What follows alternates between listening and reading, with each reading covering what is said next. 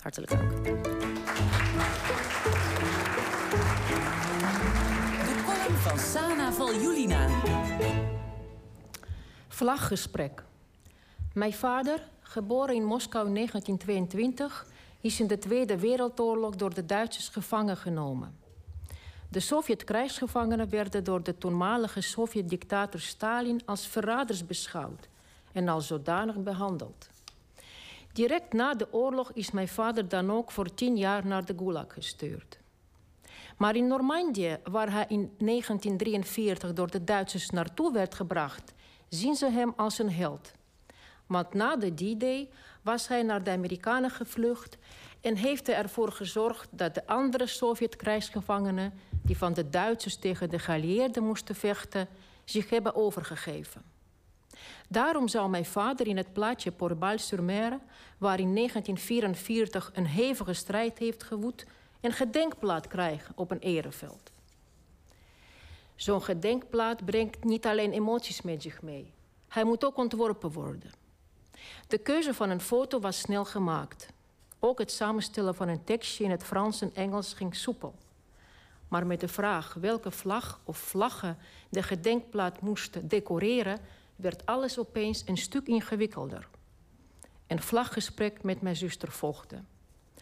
Zij zelf kon niet naar de ceremonie komen, omdat de Russische burgers, tenzij het kinderen, vrouwen, minaressen zijn van de elite, praktisch geen visum naar Europa kunnen krijgen.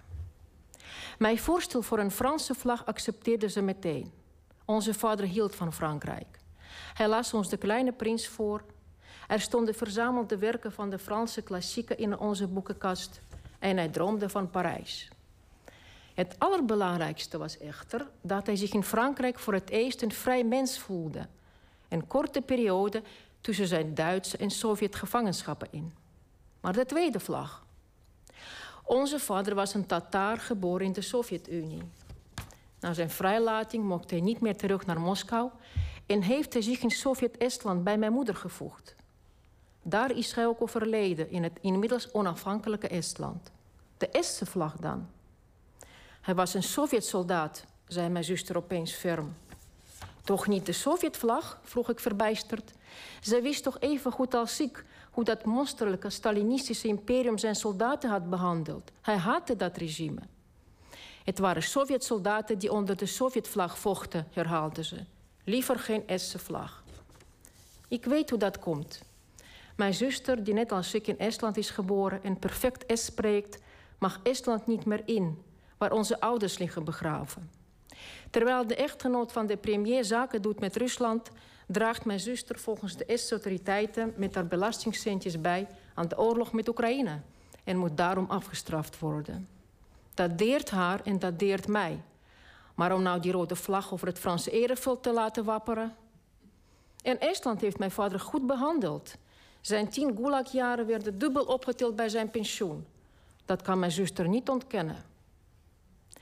Het wordt een prachtige ceremonie met harmonie, vlaggedragers, lokale notabelen en de Estse vlag. Na alle diep ontroerde appjes van mijn zuster is de laatste. En toch was zij een Sovjetsoldaat. Ik sluit mijn ogen en ik zie talloze jonge jongens. Ze lopen over de verschroeide aarde, onder de rode vlag, de dood of de gulag tegemoet. Dankjewel, Sana Baliulina.